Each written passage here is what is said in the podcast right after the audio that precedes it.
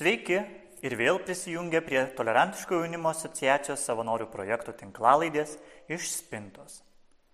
Projekto tikslas - suteikti platformą jauniems žmonėms, kelti jiems svarbius klausimus apie žmogaus teisės, dalinti savo patirtimi, išgirsti kitus ir būti išgirstiems.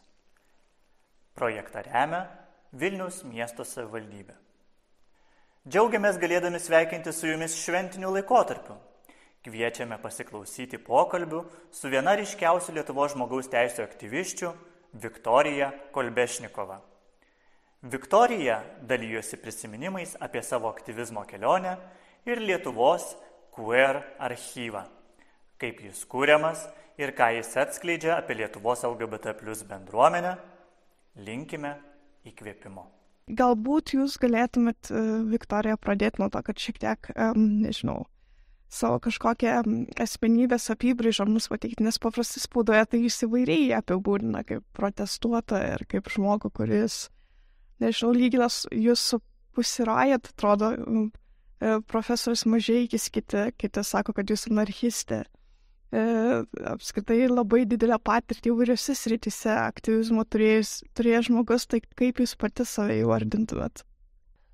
Uh, sudėtingas klausimas, tikrai uh, Nežinau, tiesiog e, esu Viktorija iš Kauna. E, daugiausiai veikiu turbūt socialiniam centre EMA Kaune ir šiuo metu e, dirbu su nevyriausybinė organizacija Incorpore, kartu organizuojam Kreivių festivalį, kūruojam Lietuvos Square archyvą. Turbūt paprasčiausia apsibriežti save pagal veiklas, kurias šiuo metu darai, o truputį jokingas tas e, palyginimas man e, su pusirajat niekada e, turbūt savęs ne, nelyginau su tokiais žmonėm. Nežinau, iš esmės tai visą laiką jaučiu, kad veikiu tai, ką noriu veikti ir kaip tai atsispindi ir kažkaip įsivardina, jau turbūt gal ir kitų žmonių įvardinimo klausimas, man sunku save apibriežti.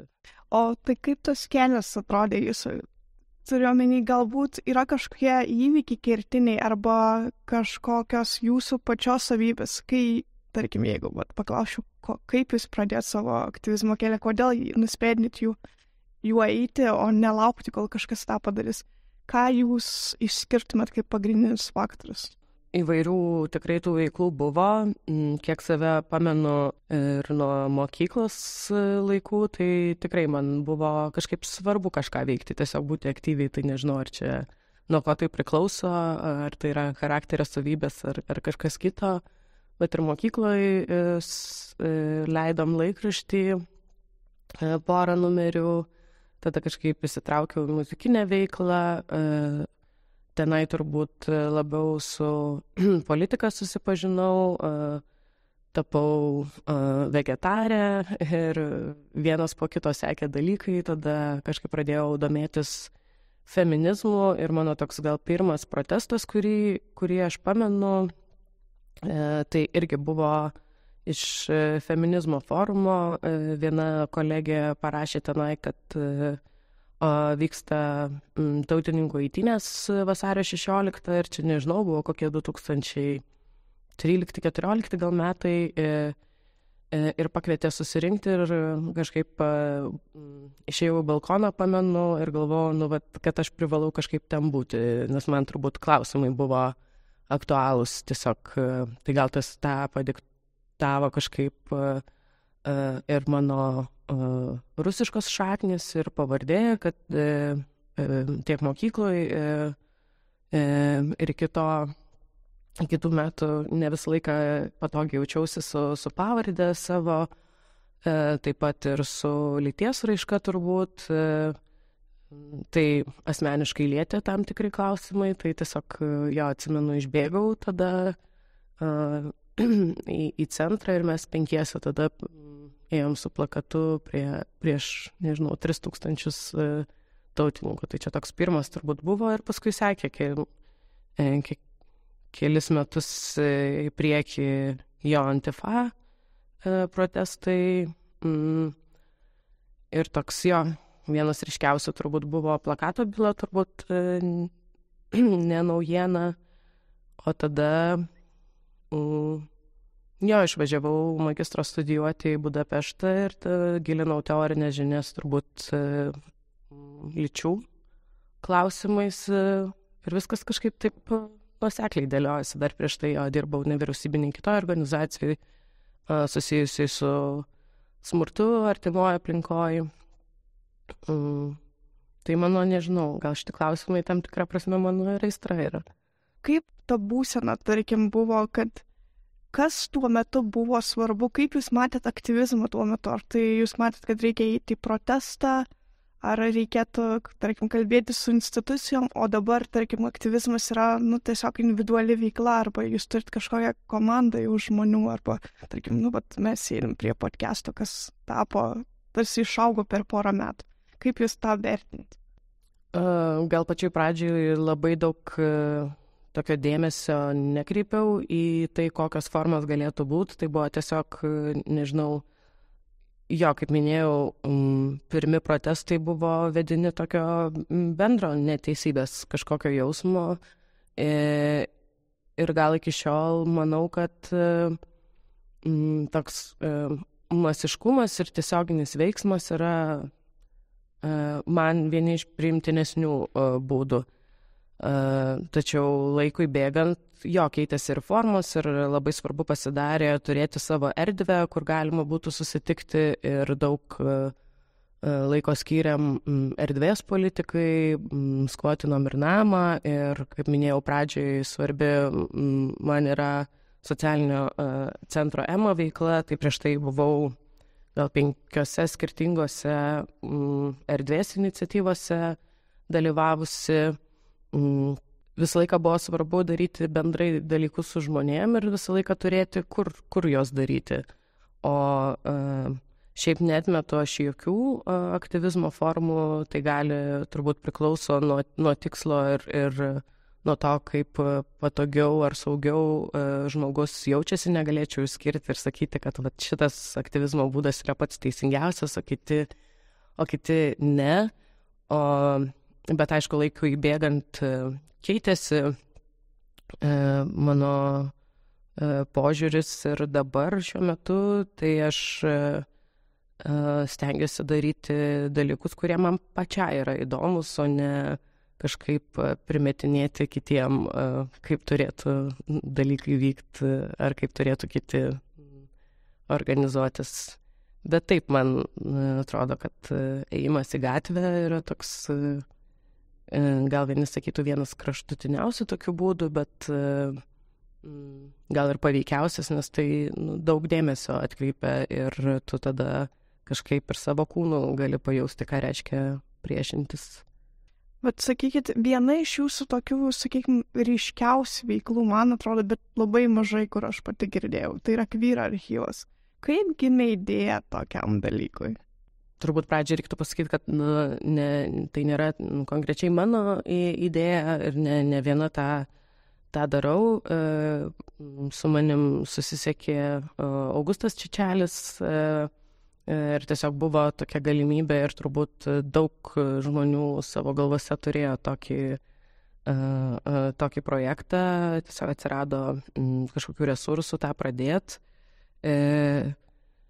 Ir mm, nežinau, iš vienos pusės, man atrodo, uh, gilinimasis į, į praeitį ar į atmintį, uh, gal LGBT bendruomeniai nebūtinai yra toks savaime suprantamas, nes atrodo labai daug iššūkių yra šiandien ir labai svarbu galvoti apie ateitį. Todėl tas atsigrėžimas, jo, gal nebūtinai savaime suprantamas, bet e, tokių iniciatyvų tikrai yra e, ir kitose šalise. Vieni sako, kad e, e, svarbu istorijoje save įtvirtinti tam, kad galėtum kažkaip įrodyti, kad visada egzistavai arba žmonės panašus į tave visada egzistavo. Nežinau, ar būtinai reikia tą daryti ir būtinai istoriškai grįsti savo egzistavimą ir tapatybę, man atrodo, kad gali, gali užtekti pasakyti, aš dabar esu čia ir to gana, tam, kad egzistenciją patvirtintum. man queer archyvas gal svarbus yra bendrai iš tokio, pati esu, nu, nežinau, ar e, esu istorikė, sakykime, mano ir bakalauro e, laipsnis, ir magistro laipsnis yra susijęs su istorija, tai man bendrai yra įdomu, kaip, kaip yra rašoma istorija, kas ją rašo ir kaip e, atsitinka, kad tam tikros žmonių grupės iškrenta iš bendro pasakojimo arba kaip iš vis ieškoti pėdsakų žmonių, kuriem reikėjo e, kažkaip e, slėpti savo egzistavimą. Tai pats, pats būtent skaitimas arba ieškojimas būdų, kaip e, žmonės veikia strategiškai tam, kad susikurtų savo bent kažkiek saugią aplinką, gyventi gyvenimus, kokius nori gyventi. Taip pat man tokie teoriniai klausimai įdomus, kaip žmonės apsibrėždavo, kaip save vadindavo, E, nes žinom, kad e, nebuvo tam tikrų terminų, tai tiesiog jo tokio, tokio ir smalsumo, turbūt e, istorinio smalsumo klausimas. Dar turbūt svarbu, kad visokie istoriniai tyrimai dažnai nugula tiesiog universitetų stalčiuose ir nepasiekia žmonių, kuriem yra skirti. O mūsų, kaip ir vienas iš tikslų, yra pirmiausia kalbėtis su queer bendruomenė, nes tada nebereikia aiškinti savaime suprantamų dalykų ir tiesiog gali e, džiaugtis tam tikrais atradimais, o ne kažkam įrodinėti kažką. Tai jo, queer archyvas yra pirmiausia galbūt būdas kalbėti, mm, o ne kažkoks archyvas tradicinė to žodžio prasme, kur tiesiog kaupi kažkokius dokumentus, nes e, tikrai jų nėra daug ir mes neturim prislėptų pilnų stalčių E, kažkokios medžiagos, kurią e, nenorėtume dalintis, e, tai dirbam ties šitų klausimų ar šitų projektų dar tik tai du metus. Aš nu, kažkaip matau queer archyvą tokioje ilgoje istorinėje perspektyvoje ir nebūtinai sukoncentruota vienos organizacijos ar ten kelių žmonių rankose. Tai queer archyvas yra būdas kalbėti žinau, parodomis, nuotraukomis, pasakojimais, gandais, žurnalu ar kitais būdais, kaip, kaip galima tą pokalbį užmėgsti su, su kitais žmonėm, kuriem, kuriems svarbu šitie klausimai. Kadangi jūs pati istorija, kaip jūs pradėjote tą archyvą? Ar tarkim jau buvo, tarkim, draugų kompanija, kuri turėjo kažkokį sukaupusi, tarkim, nuotraukos ar laiškai, ar nežinau, dienoraščiai, ar dar kažkas. Ir jūs sugalvojot, nu, čia būtų gera medžiaga panaudoti. Ar, ar jau turėjot kažkokią, tarkim, pagrindą, kai kurį žinot, kaip panaudosit, ar buvo tiesiog, va, reikia išėjti dabar ir kalbėti su žmonėmis. Tai pirmiausia, gal šitų klausimų susidomėjau jo dar, dar bakalaurė, kai gal moderniosios 20-ojo amžiaus istorijos e, paskaitoj e, savo uh, darbą norėjau ir uh, rašiau uh, baigiamai iš uh, holokausto, konkrečiai sus, uh, apie homoseksualių uh, žmonių E, holokaustą dar vadinama homokaustu. Ir man tada pirmą kartą toks e, atėjo supratimas, kad žmonės dėl savo traukos ar, ar tapatybės gali būti šitaip žiauriai naikinami. E, tai tar, turbūt buvo pirmas toks susimastymas. O kalbant apie queer archyvą, tai iš kitų šalių patirčių daugiausiai matau, kad viskas prasideda nuo pirmos didelės kolekcijos. Kažkas pirmą turi kolekciją sukaupę, arba pavyzdžiui, kokia nors nevyriausybinė organizacija, arba konkretus žmogus, kuriam aktualu kaupti kažką. Mūsų atveju to nebuvo, mes pradėjom tikrai nuo, nuo tokio atviro taško e, ir pirmi, gal skaičiau, net metai buvo skirti tokiom paieškom, kas yra padaryta, E, kas yra tirta, kokie projektai e, istorinė tematika jau buvo atlikti, tam, kad nedirbti antrą kartą darbą, kuris jau padarytas ir neapsimesti, kad niekas jau šitą temą e, nesidomėjo. Aišku, kad domėjosi, tik tai mums gal buvo svarbu tą daryti tokiu būdu, kaip mums atrodo. Pradžia ir buvo tokia, kad sudarinėjau sąrašus mokslinių darbų, kurie yra atlikti, tada keliavom po skirtingus queer archyvus, e, buvom Liublianoje lesbiečių archyve ir bibliotekoje, kalbėjomės su Karoliu Radiševskiu, menininku, kuris kūruoja queer archyvų institutą, tai toks meninis projektas daugiau, susirašinėjau su e, Rusijos ir Baltarusijos e, queer archyvais ir taip po truputį atradom e, irgi, kad e, nėra vieno būdo archivuoti queer istoriją ir kad mes kažkaip įgalindami erdvę, kurią turim Vilniuje išgirsti, irgi galim e, ją panaudoti kalbėjimui apie istoriją. Tai va, pora parodų buvo ir toliau planuojam parodas. Ir va atnešiau jums dovanų žurnalą, kurį ką tik išleidom archyvų tematiką tai galima bus plačiau susipažinti su, su mūsų veikla ir taip pat, e, jeigu klausytojams aktualus šitas žurnalas, tai galite parašyti archyvas tai išgirsti LT e, ir susitarsime, kaip galima būtų šitą žurnalą atsimti. Ką pavyko sužinoti, renkant informaciją queer archyvui ir kas nustebino? Šiaip turbūt pirmas dalykas, e, e, kurį sužinojau, tai sužinojau, kad tokių archyvų yra labai daug. E, ir ne tik vakarų šalise, ir man ir mums turbūt buvo svarbu sužinoti apie tokių archyvų egzistavimą mūsų regione, posocialistiniam regione, kuris turi panašią istoriją.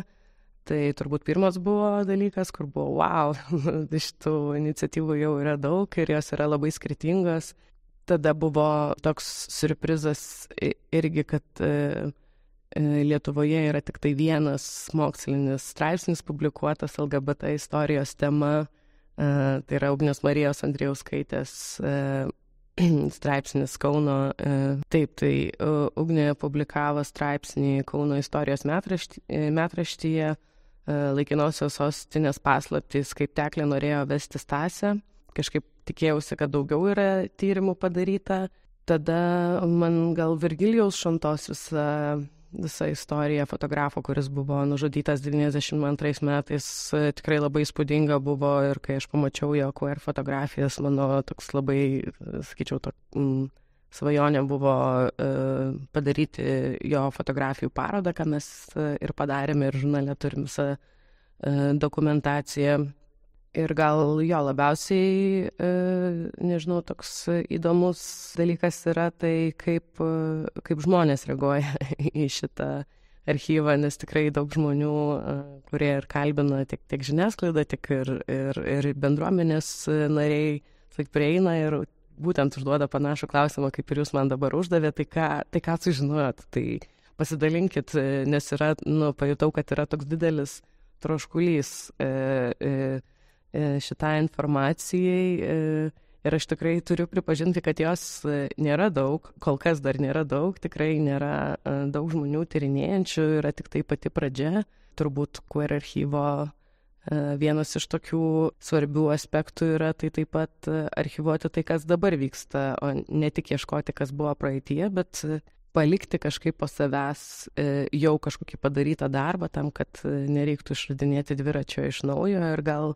archyvas yra tokia labiau paskata imtis tų tyrinėjimų, e, tai yra juos pateikti šaltinius, kuriuos mes turime patraukliu būdu ir skatinti domėjimąsi istorinė atmintim. Kadangi vis tiek jau vyksta du metus šitie tyrimai, gal jūs vis tiek galėtumėte išskirti kažkokius pagrindinius kažkokius gal ryškie kažkokie aspektai, vat kuo yra Lietuvos, tarkim, tas queer archyvas lietuviškas, galbūt įsiskiria kažkokia tematika, arba, tarkim, daugiau nuotraukų yra arba daugiau dienoraščio, tarkim, ten kitose e, rytų Europos valstybėse yra kažkokie kiti aspektai. Ar yra kažkokių lietuviškumų, kuriuos mes galėtume išskirti, ar tai yra tiesiog tokia bendra žmogiška patirtis. Su tuo lietuviškumu e, yra tokių, bent jau kažkaip asmeniškai labai smarkiai ne, nekreipiu dėmesį į tą lietuviškumą, taip mes dabar, kaip vadinam, Lietuvos queer archyvų, bet e, ne, ne lietuviškų queer archyvo Lietuvos. Tai yra tam tikras geografinės ribos, bet nebūtinai žmonės, apie kuriuos norisi kalbėti, yra lietuvių kilmės, nes daug žmonių čia ir įvairių gyveno. Turbūt kol kas, ką žinom, tai Lietuvoje menininkai ir fotografai yra daugiau kažkaip žinomi. Aš dabar pati atskubėjau iš Vėro Šleivytės parodos nacionaliniai dailės galerijoje Kita savaitė, man atrodo, e, jau uždarimas, tai jeigu nebuvote, labai rekomenduoju Vėros ir meilės laiškus paskaityti ir pasižiūrėti spūdingas fotografijas. Tai čia vat, turbūt Vėra yra vienas įspūdingiausių pastarojo dešimtmečio turbūt atradimų Lietuvos queer istorijoje. Tai čia reikėtų dėkoti Agniai Narušytai ir Mildai Dainov, Dainovskytai, kurios dirbo su Vėros Šleivytės archyvų, ko mes pavydim ir aš tikiuosi, kad Lietuvoje egzistuoja toks dalykas, tai asmeniškai labai įspūdingas dalykas Latvijoje. Nutiko ten istorikė Ineta Lipša, paskutinius keliarius metus nagrinėjo Kasparo, Kaspars Aleksandras Irbė dienoraščius. E, tai yra žmogus, kuris turėjo trauką vyrams e, ir ją aprašinėjo dienoraščiuose per tris skirtingus latviškus režimus. Tai yra e, Latvijos nepriklausomybė, tarpukaris, tada Sovietų sąjungos laikotarpis ir, ir pradžia latviškos ne, nepriklausomybės. Tai buvo 150 tomų e, dienoraščių, kurių dalis jau yra publikuoti e, Latvijoje tam tikras kiekis ir tikrai bus publikuota jų daugiau. Mes žurnale taip pat turim iškarpą Iš jo dienoraščio Lietuvoje beje buvo 2016 berots metais e, piesė pastatyta, e, dėl to turime šiek tiek išverstų dienoraščių, bet jo, Lietuvoje turbūt labiausiai kalbame apie fotografus Vėra Šleivytę, Virgilijų e, Šontą, mm, tikiuosi greitų metų rasim ir daugiau. Ar yra kažkokie, nežinau, aspektai, bet jeigu aš paklausčiau jūsų, ką archyvas nu atskleidžia apie žmonių gyvenimą. Ar jūs galėtumėt išskirti kažkokius bruožus, ar tai yra tiesiog vat, kiekvieno unikali istorija? Turbūt visą laiką individualios istorijos yra, yra uh, unikalios ir kažkokiu apibendrinimu dar tikrai labai sunku daryti. Kol kas savo veikloje, ką, ką be tyrinėjimo to, kas jau padaryta ir bandymo susipažinti su panašiom iniciatyvom, padarėm, tai skaitmenizavom e, ir mūsų puslapyje yra sukelti visi naglio. E, tai yra nuo 93 iki 97 metų ėjęs e, vyrams skirtas žurnalas. Taip pat žurnale turim interviu su redaktorium Stasiu Dimbeliu, taip pat AIDS kronikas, beveik visos yra sukeltos į puslapį ir, ir žurnalo Amsterdamas. Tai, sakyčiau, ta pradžia tokio aktyvesnio ir atviresnio judėjimo, kaip ir daugelį šalių, yra susijusi su, su spauda ir žurnalais. Ir ką, ką galima pasakyti apie tai. Turbūt verta paminėti, kad tie žurnalai, ypatingai Naglis, daug turinio yra verstinio irgi, kad tai nėra tiesiog lietuviškas turinys, ką, ką minėjau ir prieš tai, kad tai yra tokie keliaujantis dalykai ir turbūt visą laiką visokius konceptus skolinamės ir dalinamės su kitais, tai jo, tai matosi bendradarbiavimo ir su rusiškais žurnalais, ir su jau vakarietiškais, vokiškais ar lenkiškais. Turbūt ką svarbu paminėti, kad visą laiką keliaudami žmonės žinodavo, kur kreiptis ir tarpusavį turėjo ryšius ir kad kad keliaudami galėdavo jo apsigyventi kažkur ir kad žmonės viens kitą palaikė ir rasdavo būdų e, dar ir e, kriminalizacijos laikotarpiu e, turėti tinklus, susitikimų vietas, jo, kad būdavo ir pležai, ir parkai, ir viešieji tualetai. Tai jo, gal svarbiausias dalykas, kad žmonės visą laiką bendravo. Kadangi jūs paminėjote Latvijos tą pavyzdį, kad ten yra tokia šiek tiek istorinė perspektyva, nes kalbam apie tris laikotarpius. Ar Lietuvoje pavyko rasti kažkokių liudijimų iš Tarybų sąjungos periodo dar prieš nepriklausomybę? Šalia ten skaitmenizavimo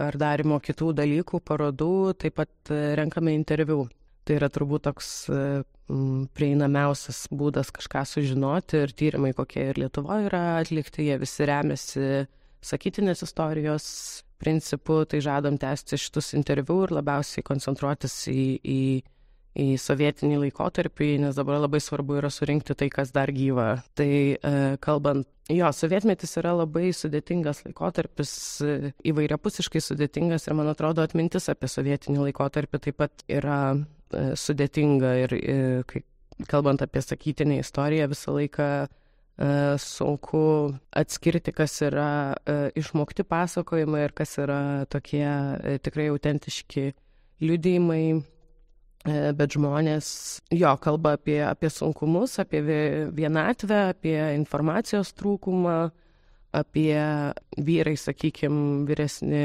pasakoja apie reidus tiek policijos, tiek prastai nusiteikusių žmonių, e, kurie vykdavo ir parkuose.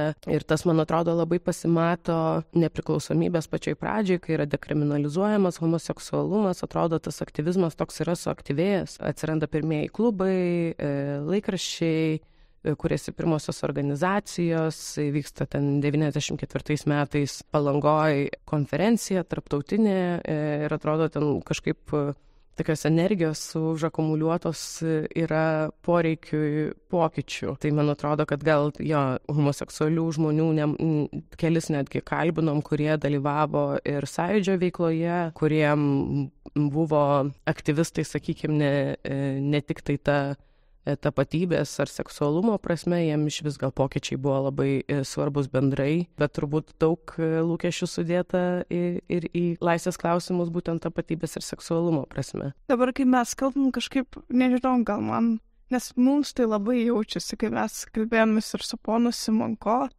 ir su ponu Jezavita, kad kažkaip LGBT istorijai, kad trinėjai daug daugiau dėmesio yra skiriama vyrams arba, nu, tarkim, geraidai, nežinau jums kaip istorikiai, galbūt kitaip atrodo, bet atrodo, kad moterų, lesbiečių klausimai, trans žmonių klausimai iš vis yra kažkaip, nu, neegzistuoja iki tam tikros ribos. Ar taip galbūt jums kažką pavyko rasti, ar taip iš tikrųjų yra, kad, nu, galbūt laukia savo momento, arba tiesiog, nu, neišliko tie liudymai. Arba galbūt mes neskiriam pakankamų dėmesio tam. Čia sudėtingas klausimas ir pirmiausia turbūt reiktų pažymėti, kad bent jau Sovietų sąjungoje uh, moterų uh, meilė nebuvo kriminalizuota. Galbūt jinai buvo patologizuota, bet man atrodo tokia situacija, tokia yra dvi, dviprasmiška situacija. Jeigu tave bent jau teisė kažkaip apibrėžia, nors ir baudžiamoji teisė, uh, tai patvirtina tavo egzistavimą ir kažkaip tie, jo, mes apie vyrus galime sakyti ir tiek iš teismo kažkokių nuorašų, e, jo, viso 122 baudžiamojo kodekso straipsnio e, paminėjimų, e, bet kur lesbiečių tas, tas nelėtė, tai jos kaip ir galėjo egzistuoti ir gyventi po šydų kažkokiu, tas davė kažkiek ir saugumo, nes nebuvo tiek persekiojimus galbūt, e, bet iš kitos pusės jo, tas, tas e, privedė ir prie tokio nematomumo. Čia šita tema apie, apie lesbietės arba moteris turėjusias trauką kito moterim, čia yra irgi labai svarbus klausimas, kaip žmogus pats save įsivardina ir ar galim kažkaip uh, užmesti ir sakyti, uh, Šita buvo tokia, tai rekomenduoju Rasos Navickaitės straipsnį Šiaurės Atenuose paskaityti, kuris parengtas e, pranešimu, kurį jinai skaitė SAFO festivalyje, kuris šiais metais 10 metų e, šventė. Tai irgi gal čia toks iš lesbiečių istorijos galim pasakyti, kad e, turim į moteris orientuotą festivalį jau dešimt metų vykstantį ir nežinau, ar vyrai galėtų pasigirti tuo pačiu. Kas liečia translyčių žmonės, irgi šiek tiek šitą klausimą žurnale palėtėm, e, kalbinau Juratę Juškaitę, kuri savo magistro darbą parašė apie translyčių žmonių uh, istoriją Lietuvoje. Tai jos teigimu, aš jai uždaviau irgi klausimą, kur translyčiai asmenys nepriklausomybės pradžioje E, kodėl, nes dažnai mes sakome LGBT, bet tas T e, ir pasak jos, daž, bent jau pradžioje buvo tokia teorinė kategorija, e, tiesiog žmonės nepažinojo arba, arba homoseksualų žmonės kovodami už savo teisės, gal net ir iš savo vidinės transfobijos e, neįtraukė, nes ir tai buvo labai sunku. Tai tie tokie atstumimo momentai yra svarbus, bet dar kartą gal grįšiu prie Veronikos Šleivytės, tai yra ir sovietmečių gyvenęs žmogus, ir tarpukarių gyvenęs žmogus, tai turbūt va, mūsų, nežinau, lesbiečių dabar e, herojė yra. Tai čia tokie jo, tiek teisiniai dalykai ir bendrai, nu aš nežinau istorijoje, kada, kada mes ne apie vyrus šnekėjom. Aš kai dabar pagalvoju, tai irgi suvokiau, kad realiai tai žinau tik tai tą istoriją apie tekletadą. Daugiau kažkaip niekur nesigirdi. Tai čia klausimas, nu, ar nėra rasta, ar tiesiog, nu, neskiriama tam dėmesio, nes visi kažkaip pastebi, kad labiau į G raidę yra orientuojamas. Ir kaip jūs minėt, negalim vis, visko ten uždengti, nes yra skirtingos patirtis, daug individualių tokių aspektų, bet kažkaip irgi tam trūksta dėmesio. Manau, ir šaltinių trūksta, ir dėmesio trūksta. Tai čia toks a, abipusis gal santykis yra ir dabar, man atrodo, tų tyrinėjimų bus, bus daugiau ir turėtų, man atrodo, ir archyvai, ta, tiek valstybiniai, tiek tie archyvai kažkaip skaitmenizuotis ir gal prieiga geresnė atsirasti. Ir dar yra, e, kai kalbam apie žmonių istorijas, kurių gyvenimai buvo patologizuoti ir kriminalizuoti, e, pavyzdžiui, prie tam tikrų teismo arba ligoninės istorijų yra sunku prieiti dėl duomenų apsaugos tiesiog. Tai čia tokia gal bendra parašių žmonių, e, ne, negaliu pasakyti, kad čia jų problema, čia ne, ne, ne jų problema, bet tiesiog sunku tyrinėti šitus dalykus labai yra. Ar LGBT žmonėm yra svarbi jų pačių istorija? tai atsakykit man. Turbūt ir taip ir ne, nežinau, e, kažkam svarbi, kažkam, kažkam nesvarbi, net nežinau, kaip šitą klausimą E, pasižiūrėti. Intereso klausimas, gal sakyčiau. Galbūt, nežinau, kai jūs pradėjote rinkti jau tą informaciją, galbūt daugiau žmonių atėjo. Kažką aš irgi turiu pasidalinti. Arba kad ir tas vat, mano klausimas, kodėl vat, moteriams mažiau dėmesio, gal kila bendruomenė, kad kodėl apie tai nekalbam, arba ar nėra informacijos, aš norėčiau prisidėti. Nu, ar buvo ten toks susidomėjimas daugiau po to, kai jau pasirodė kažkokie duomenys ar tiesiog vat, pavieniai žmonės, tiesiog kurie man visada, sakykime, buvo susidomėję šitą temą.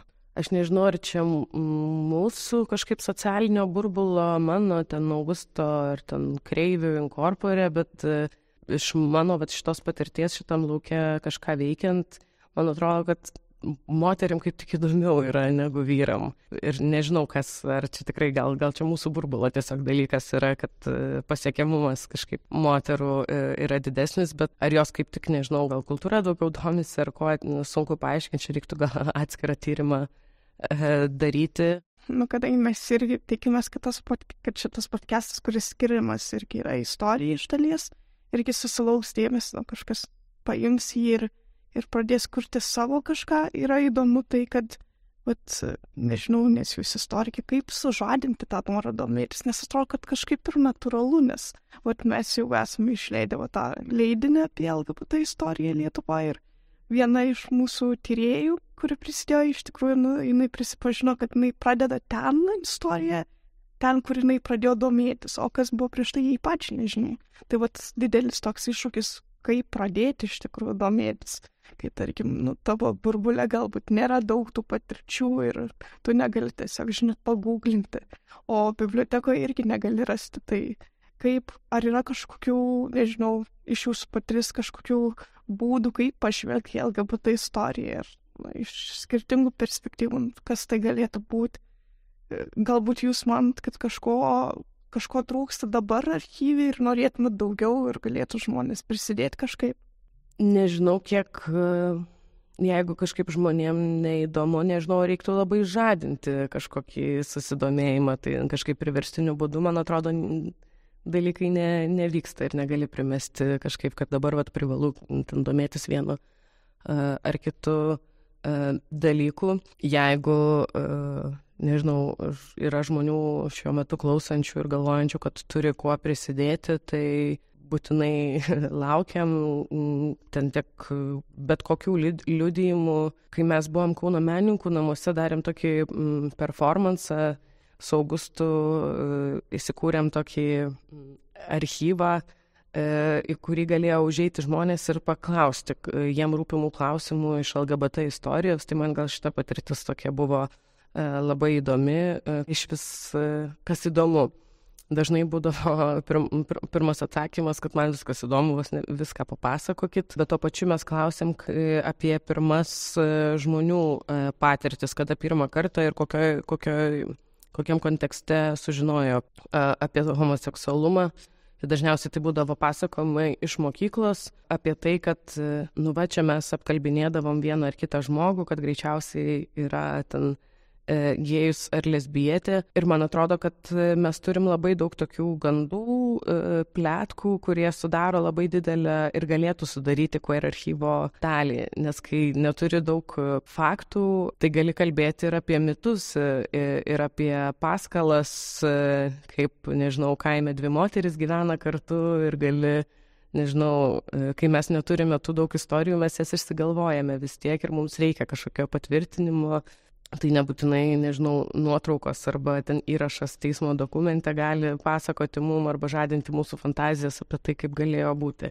O kita vertus, dar ką norėjau pasakyti, jau kuris laikas, pavyzdžiui, esame su skaitmeninė e, žurnalus ir ne, nėra taip, kad, pavyzdžiui, žmonės imtų rašytų, prašytų geresnės kokybės, kad atsiųstume e, pavyzdžius, kai organizavome skaitimus ir skaitėme šaltinius, tai tiek iš Naglio, tiek iš e, Krypauzino arba vėlesnio žurnalo Dilgelė susilaukėme tokio atgalinio ryšio, kad darykite dažniau. E, tai reiškia, kad papasakokite mums daugiau, duokite sukramtytą dalyką ir man atrodo, kad informacijos galbūt yra, bet nebūtinai labai norima knistis joje. Koks yra mokslininkų požiūris į kvir? E, kaip mokslininkai vertina jūsų veiklą, jeigu esate su jais bendravę? Labai daug nesu bendravus, bet kaip tik uh, uh, prieš porą, tris savaitės jau nebeatsimenu, dalyvavau moksliniai um, moksliniam tarptautiniam seminare mm, Vilniaus universitete, kurį organizavo e, Tomas Vaiseta. Man atrodo, čia buvo toks pirmas e, e, bandymas būtent universiteto teritorijoje kalbėti apie queer istoriją ir ten dalyvavo tyrėjai iš Latvijos ir iš Estijos. Buvo atvykęs jau čia nu, queer istorikam turbūt puikiai pažįstamas Dan Healy, skaitė E, pagrindinį e, pranešimą. Tai juda e, šitie dalykai, man atrodo, Latvijoje ir Estijoje yra truputį didesnė pažanga padaryta, bet man tokie vat jau žingsniai organizuoti ir tarptautinį seminarą universiteto patalpose rodo, kad mokslininkų ir istorikų paskirų, tikrai čia aš ne, neabsoliutinsiu, E, jau yra pastangos dedamos ir kad mm, ir kažkaip sutarėme, kad galbūt e, e, šitą seminarą reikia daryti kasmetinį ir tada įtraukti vis daugiau skirtingų tyriejų, tai einama gera linkme, bet bendrai Lietuvoje mes net neturime lyčių studijų programos, net magistro srityje, žinau, kad dabar yra daromi žingsniai ir galbūt greitų metų galėsime jau ir studijuoti šitus dalykus, bet mm, ką parodo, kad nelabai gal yra ir e, mokslininkų, pas kuriuos galima būtų studijuoti. Ir gera dalis žmonių, kurie tiek e, Rasanavitskaitė, kuri dabar savo po doktorantūros tyrimą daro būtent apie e, homofobijos istoriją, gal taip galėčiau įvardinti Lietuvoje, e, tai, tai daro irgi ne Lietuvoje. Ir aš pati ir Augustas, mes savo magistro studijas baigėme e, ne Lietuvoje, tai va yra tokių, nežinau, gal grįžtančių, parsiveržančių tam tikras žinias žmonių, kurie, kurie gali paspartinti šitus dalykus. E, bet e, bendrai istorijos studijas Lietuvoje, nežinau, aš pati vadovų baigus, tai ten daug buvo kalbos apie socialinę istoriją, kultūrinę istoriją, ar ten apačių istoriją, procesų istoriją, e, bet pavyzdžiui, kad būtų koks nors kursas skirtas e, bent jau moterų istorijai, nebuvo. Tai čia vis tiek tokia dar nišinės rytis Lietuvoje labai. Bet toks bendras, nežinau, o tarkim mokslininkų, nes jie vis tiek vertina tas tokias mažesnės, sakykime, potėmes. Vat, yra tokia vis ta bendra istorija, kurie visi žino ir tada yra vat, žmonių gyvenimus, kuris yra mažai fiksuojamas, ypač Lietuvoje iš tikrųjų. Tai, tai va, įdomu, kaip, nu, ar skatinama tas, galbūt nes studijų esmė, kad sukurti atskirą kažką programų, bet, bet tiesiog, turėti ten moterų studijų, ten kažkokį, bent jau vieną kursą istoriją studijuojant Lietuvoje. Ar va, to, jūs jaučiat, kad tokio archyvo rinkimas, va, darbas gali padėti priartinti tai prie universiteto kaip akademinės ryties. Nes tai vis tiek dar kol kas yra tiesiog aktyvizmas labiau iš jūsų. Tai tikiuosi, dabar žinai, tikrai tikiuosi, e, bus matyti, bet e, e, bent jau vat, šito žurnalo, kurį išleidome, vienas iš tikslų, man atrodo, buvo supažintinti su tuo, kas jau yra uh, padaryta, kas yra parašyta, kokios yra galimybės ir tą atiduoti žmonėm, kurie galbūt neturi nieko bendro su akademija. Uh, ir mm, rasos, man atrodo, straipsnis šitam žurnale toks lab, labiausiai mm, duodantis atsispyrimą tolimesniem tyrimam, nes jinai apžvelgia iki šiol jau uh, parašytus uh, kažkokius akademinius darbus, kurie gali, nu, va, jau žmogus perskaitęs gali juos parsisiųsti visus į vieną krūvą ir jau suprasti, kas yra nuveikta ir pamatyti, kur yra galbūt tarpas arba ką, ką galima su tuo toliau daryti. Dėkui, nes, nu, kažkaip norisi tokiam, bet man irgi iš, žinot, tos akademinės bendruomenės, tokia, nežinau, ar nebūtinai gal pritarimo, bet reakcijas, kad vat, mums rūpi, mes matom, nes paprastai, kai tu dirbi su tokiam nišiniam temam, tai dažniausiai atsakymas yra, nėra metodologijos, arba tiesiog tu nerasi duomenų pakankamai tas yra įdomu, kai žmogus pats atsineša tą, tuos duomenis, tai kaip viskas klostosi toliau. Ir jums iš tikrųjų teko dirbti įvairiose srityse, turint omeny aktyvizmą, nes jūs, e, nes ja, šiaip apie jūs pirmą kartą išgirdau, man atrodo, dėl gegužės pirmosios profsąjungos ir taip pat buvo ir daug ir apie feminizmą kalbant ir apie pabėgėlių, migrantų teisės. Man vat įdomu, Ar jūs galėtumėt išskirti kažkokius bruožus, uh, kuo skiriasi, ar yra skirtumai? Iš tikrųjų, kai kalbam apie LGBT aktyvizmą ir, tarkim, apie uh, moterų teisės arba apie migrantų teisės, ar Lietuva vis tiek yra, nu, dar tokioje kūrybos stadijoje, kada viskas yra ganėtinai susiplakę, ta prasme, kad, nu, tai vis tiek visuomenės požiūris į tave ar kažkoks spaudimas arba tie įrankiai, kuriuos naudojame aktyvizmui, yra panašus ir dar negalime matyti kažkokių, um, sakykime, skirtumų ryškių. Tai yra vienos temos, aplink kurias būrėsi daugiau žmonių, yra temos, aplink kurias būrėsi mažiau žmonių ir turbūt iš paskutinių metų galim pasakyti, kad uh, pabėgėliais rūp, rūpinamasi mažiausiai.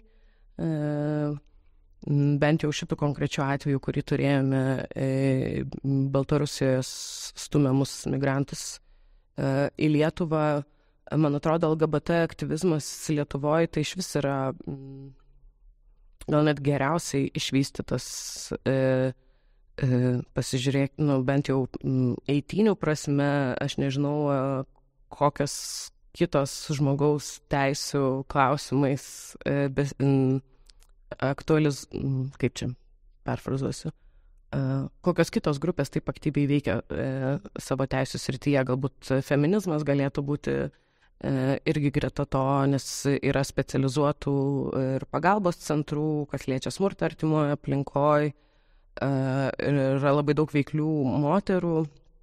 E, bet man visą laiką, man kažkaip niekada netrodė, kad klausimai yra atskiri ir kad jie gali būti atskiri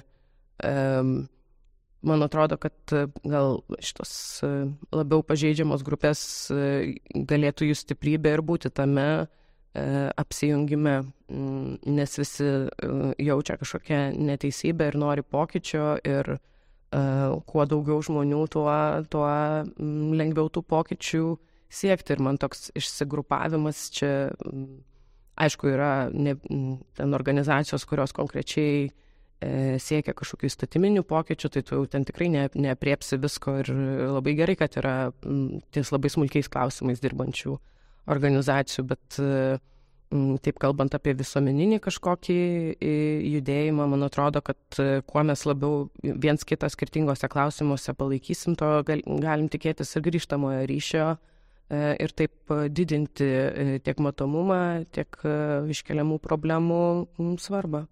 Ar reikia, kadangi buvo einama kalba apie, apie moterų istorijos, maž, mažiau yra kalbama, ar reikia atskiros kažkokios organizacijos, kuri padėtų ginti LGBT moterų teisės? Turbūt nežinau, ar galiu atsakyti, ar reikia. Gal reikia. Akivaizdu, kad moteris yra struktūriškai pažeidžiamesnėje pozicijoje, bet nežinau, yra daug tų Jo, galbūt moterų organizacijom, kurios iki šiol užsiema moterų teisėm, reikėtų e, labiau atkreipti dėmesį į moteris, e, kurios turi e, kitų pažeidžiamumo aspektų, tai yra ten, seksualumas, tautybė, pažiūros ir taip toliau, ir ne, nepamiršti jų ir įtraukti. Nes man atrodo, kad pavyzdžiui, kalbant apie uh, lesbietės ar biseksualias moteris ar, ar non-binary ar trans moteris, tai jom feminizmo arba moterų pro problemos rūpi labai ir aš, pavyzdžiui, ten kovo 8-osios protestuose visą laiką matau labai daug, arba netgi protestuose prieš aborto ribojimus yra daug uh, LGBT, uh, LBT spektro moterų, uh, bet e, nebūtinai straight e, feministės e, visada taip smarkiai palaiko LBT moteris iš kitos pusės. Tai šio, šito bendradarbiavimo tikrai galėtų būti daugiau. Ir nežinau, gal klystų ir gal kas nors mane ateityje papildys šitų klausimų, bet man atrodo, kad LBT moteris yra pakankamai tampriai susisiejusios. Yra, vyksta ir festivalis, yra atskiros ten visokie čiatai, vykdavo skaitimai, visokie rateliai ir man atrodo, kad LBT moterų aktyvizmas yra daugiau susijęs su puoselėjimu viena kitos ir bendruomenės, o ne su tokiu aiškiu artikuliavimu išorėje. Ir tų aktyvizmų gali būti daug ir atrodo, tas tarpusavio vidinis palaikymas ir ten, nežinau, e, yra sąrašai, kur ten dirba, kad palaikyt ten verslus ar ten imti paslaugas, tik tai ir taip kažkaip stiprinti iš vidaus, man atrodo labai irgi e, gražus dalykas e, yra ir tikrai egzistuoja.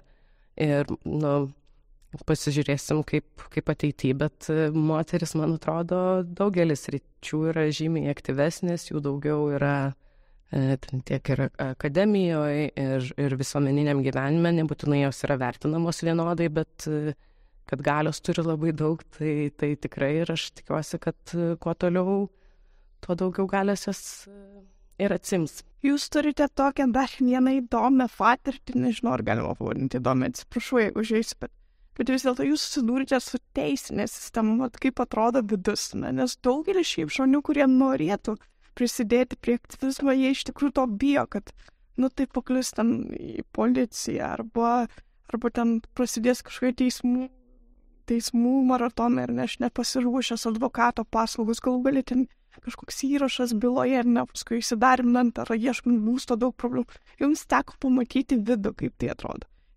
dabar man labai įdomu, nežinau, bet kaip jūs tada įsivaizdavot, kaip tai galėtų atrodyti prieš susidurdamus tuo, va, tuos pavojus ar problemas, neiššūkius. Ir dabar, kaip jūs matot, kas, ką va šita patirtis jums parodė apie sistemą, apskritai žmogaus teisų aktyvizmą? Tikrai buvo įdomi patirtis e, ir turbūt kiekvienais metais aš e, vis permastau tą patirtį, galbūt e, kai procesai vyko nesitikėjau, kiek įtakos tai turės mano kažkaip tolimesniam gyvenimui, bet tikrai buvo šokas, aš tikrai, tikrai nesitikėjau, kad mūsų ekspertai yra tokie neišsilavinę. Tai čia labai atvirai galiu pa, pasakyti, kad visų pirma buvo labai didelis surprizas, kad iš vis šita mm, byla pasieks teismą ir pusantrų metų reikės kažkaip, kad, kad užteks įrodymų, kad tai yra diskriminaciniai pagrindai. Tai jo, man atrodo, kad yra daug neišsilavinusių žmonių su prestižiniam profesijom. Tai tą, tą akivaizdžiai pamačiau. Pamačiau, kokia yra svarba palaikymo, iš tikrųjų tiek viešo palaikymo, tiek labai tiesioginio ateimo į, į teismo salę uh, proceso metu. Tai jeigu kam nors teks dėl absurdiškų priežasčių susidurti su teisės sauga, tai visiems, visai ir aplinkai, ir tiem žmonėm turbūt galiu pasakyti, kad svarbiausia yra, kas yra šalia ir kaip, kaip į tai žiūri. Um, pakartoti tikrai ne, nenorėčiau. Uh, mm, jo, ir turbūt problemos, su kuriuom susiduriu dabar to proceso, čia nepaisant to, kad tiesiog supratau, kaip tam tikri dalykai veikia. Uh, Tai kad dažnai yra vat, ištraukiama šita tema, kad ir kur be, beeičiau arba ką, ką beveikčiau, visur, visur šitas šleifas bus, nepaisant to, kad e, teismo sprendimas buvo mano naudai, tai yra, nu, aš laimėjau e, e, šitą, e, šitą bylą ir neturiu jokio įrašo, e, bet vien pats faktas ir ten ypatingai priešiškai nusiteikusių žmonių, kad visur pabrėžia, kad buvau kaltinama, nesvarbu, kad e, E, jokio įrašo nėra. Tai, bet man atrodo, kad e, žmonėm, kurie jau velėsi į, į, į aktyvizmą, tai reikėtų įsivertinti tikrai, e, nes pakankamai pavojingas dalykas yra dėja kažkaip kovoti už gražesnį pasaulį.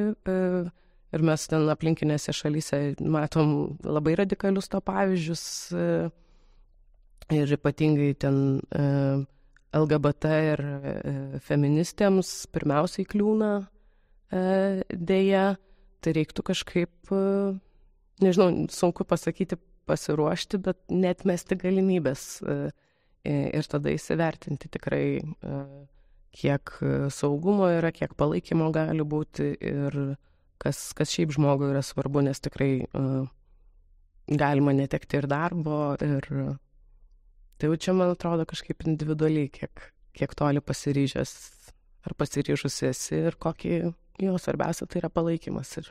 Jūs kaip ir minėjote, iš tikrųjų, va, tas, aš kiek skaičiau bent straipsnį apie jūsų va, bylą, tai tas ekspertų požiūris, jūsų tą užrašą mane nustebino, nes atrodo, kad žmonės nelabai suvokia, va, ką reiškia protestas iš esmės ir kaip kalba gali būti jame naudojama.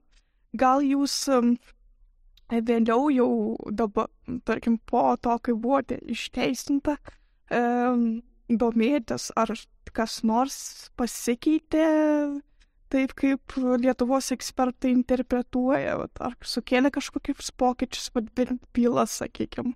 Konkrečiai dabar neatsimenu, kažkas e, lyg tai buvo. Šiaip iš esmės tai yra e, precedento sukūrimas ir, ir aš manau, kad e, visą laiką te, teismuose yra vadovaujamasi teismų praktika ir šita nutartis jau tikrai yra įėjusi kaip, e, kaip pavyzdys ir man atrodo daug rezonanso visai sukėlė, nes labai viešai buvo aptarinėjama visa byla.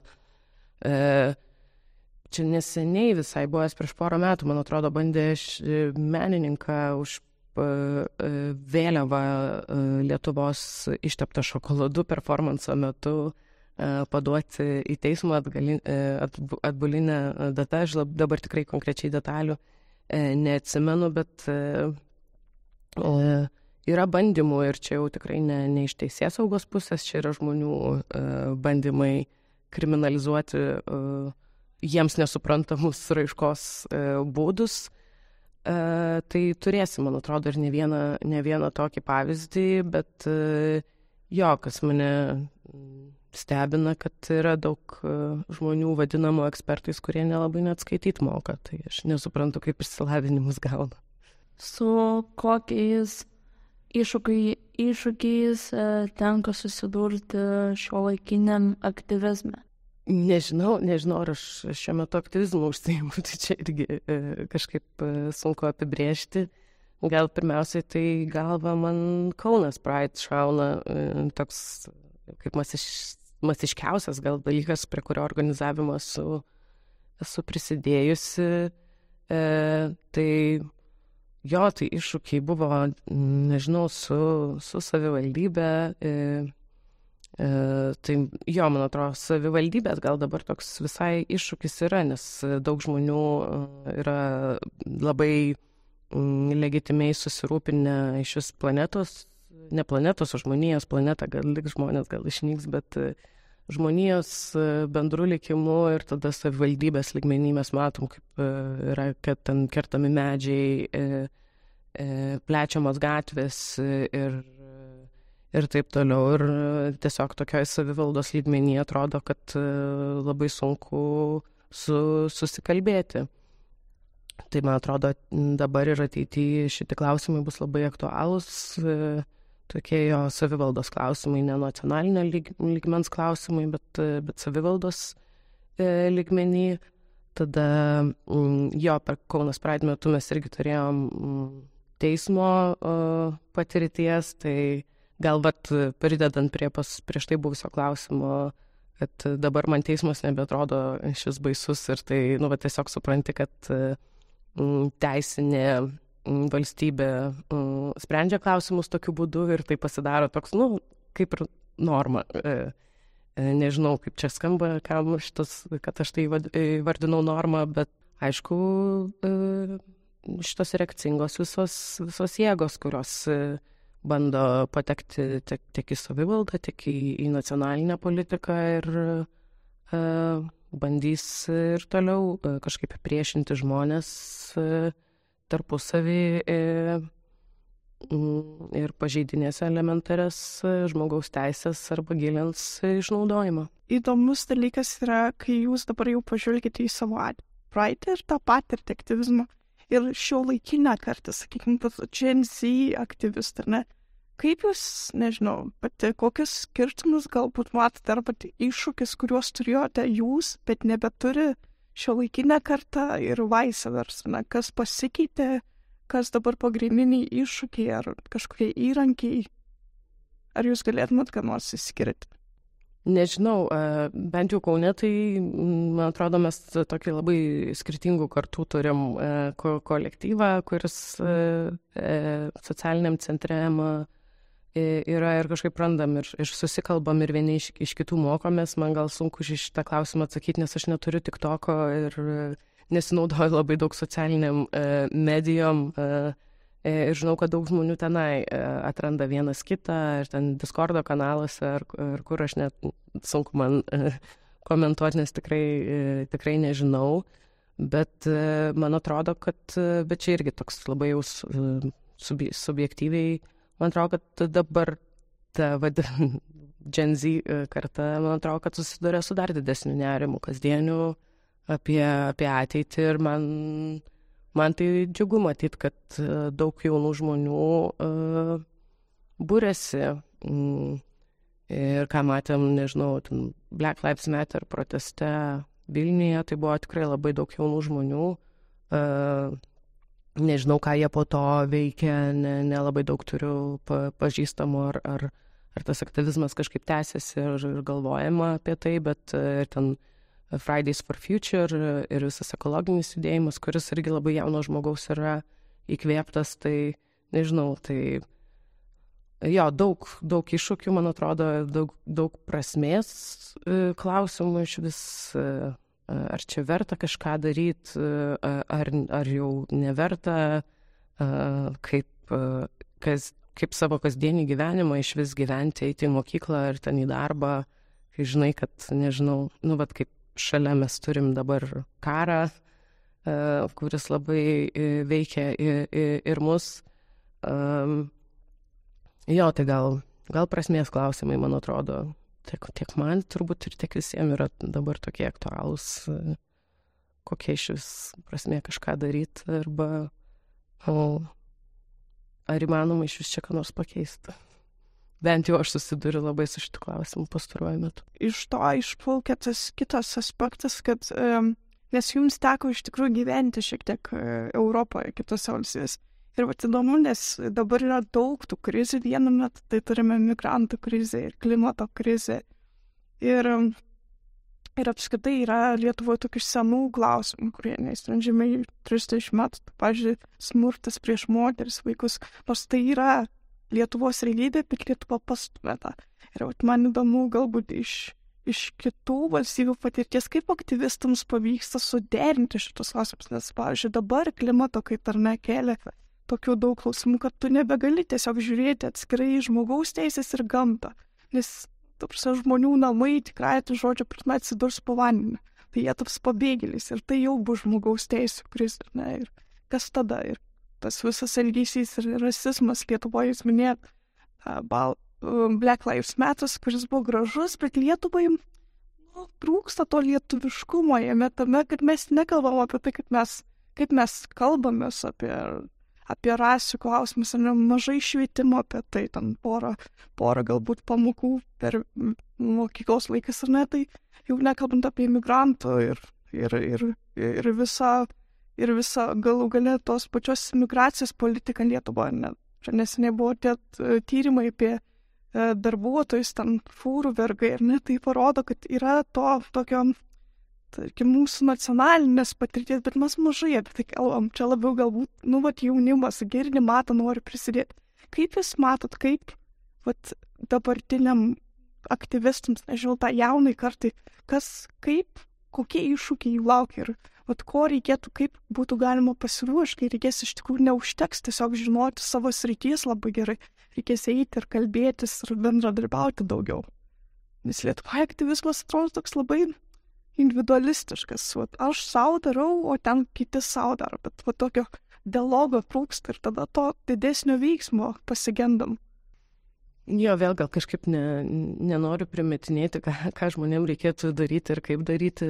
Turbūt, jo, tie žmonės, kurie veikia tam tikrose sritise, man atrodo, pa, patys, pačios gerai įvardinot, kad to bendradarbiavimo tiesiog, tiesiog reikia ir tikrai labai yra sunku uh, tokią globalią politiką derinti su, su lokale ir dabar, e, man atrodo, šito e, karo, Rusijos karo Ukrainoje kontekste matom, kad apie vidaus klausimus labai, labai sudėtinga šnekėti ir leng, nu, paprašiau dėmesį tikrai ir reikalingą dėmesį, nenoriu aš nieko sumenkinti, skiriame kitur, bet būtų, būtų labai gražu, jeigu šitas solidarumas, kurį, kurį ir tokia vienybė, kurį pajutome, aišku, ta vienybė dažnai tokia grėsmės akivaizdoje pasirodo, e, bet e, mes grėsmių nesumažės ir būtų gražu matyti, kad tas solidarumas kažkaip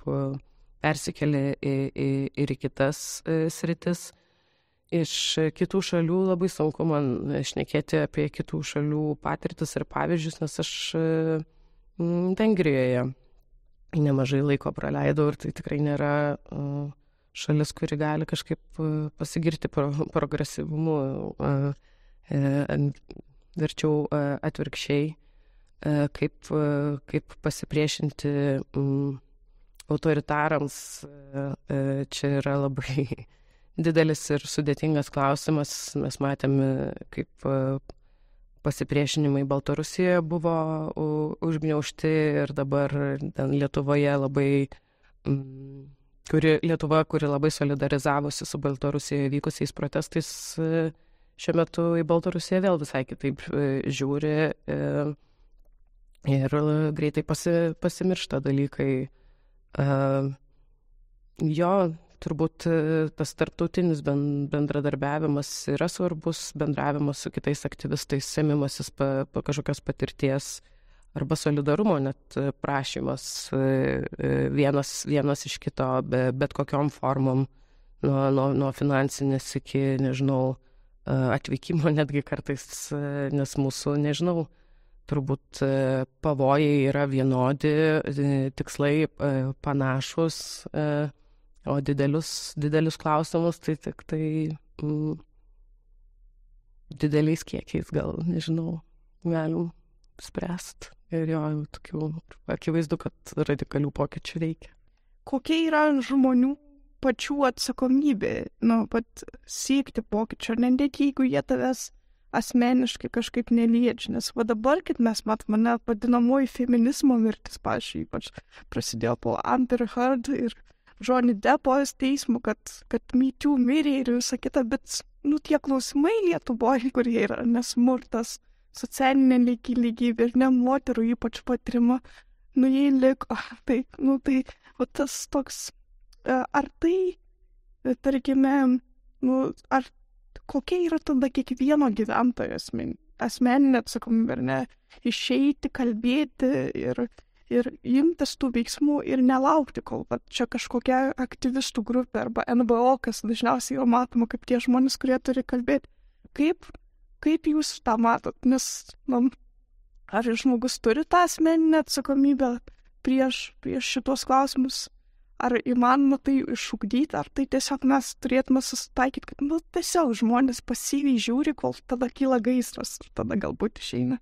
Jo, sunkus tas atsakomybės klausimas, nes atrodo, kodėl, kodėl kartais taip atrodo, kad kodėl aš turėčiau prisimti atsakomybę už kažką, ko, ko nepadariau, arba kad yra, nežinau, tokia, tokia struktūra, kuri skatina e, tam tikrus dalykus ir problemas. E, Bet man atrodo, kad ir gal netgi tą žodį aktyvizmas reiktų keisti, nes tada atrodo, kad yra vat, būtent kažkokios grupelės žmonių ar ten e, nevyriausybinės organizacijos ir jų čia atsakomybė, arba ten e, e, keisti kažką, e, nors turbūt e, čia visi iš savo patirties galim pasakyti, kad yra labai sunku šis e, e, bandyti kovoti dėl pokyčių.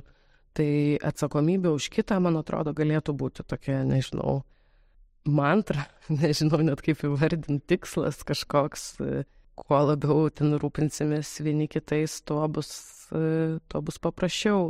Ir jo, ir gal, gal nebereikės tų aktyvistų, jeigu visi kažkaip bent truputį prisimsim atsakomybės už kitą, o ne tik tai galvosim apie save. Ačiū Jums labai už Jūsų laiką. Tikiuosi buvo įdomu, kaip ir mums. Ačiū visoms ir visiems likusiems iki pabaigos. Labai lauksime jūsų komentarų ir pasiūlymų komentarų skiltyje, taip pat TOTA paskirose Facebook ir Instagram platformose.